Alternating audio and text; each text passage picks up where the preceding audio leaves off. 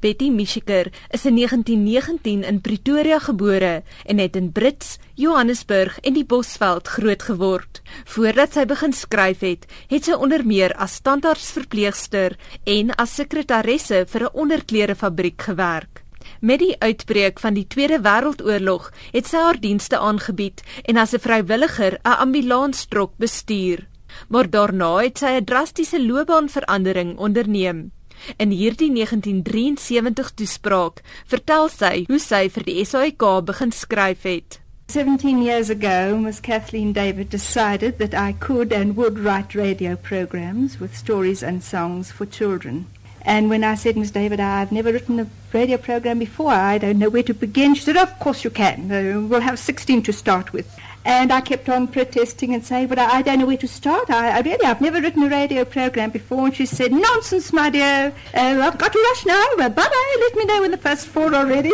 Mishiker het die toespraak gelewer toe sy die gesogte internasionale toekenning, die Japaneese minister van onderwysprys vir haar opvoedkundige program What You Know gewen het.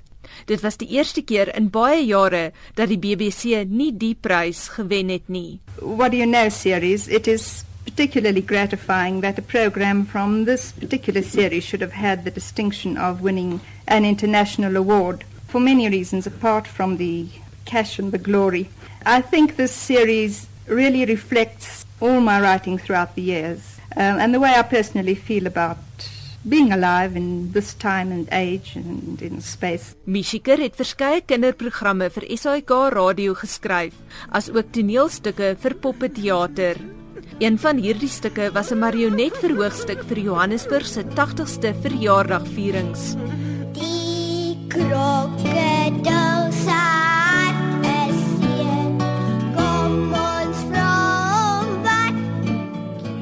Kunstenaars soos Doris Brash, Dawie Kusain en Karika Kesenkamp het ook plate van haar kinderliedjies opgeneem.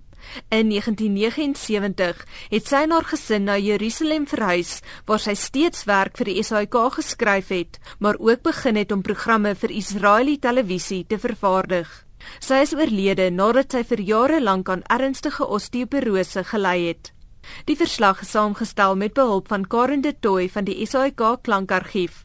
Anne Marie Jansen van Vieren in Johannesburg.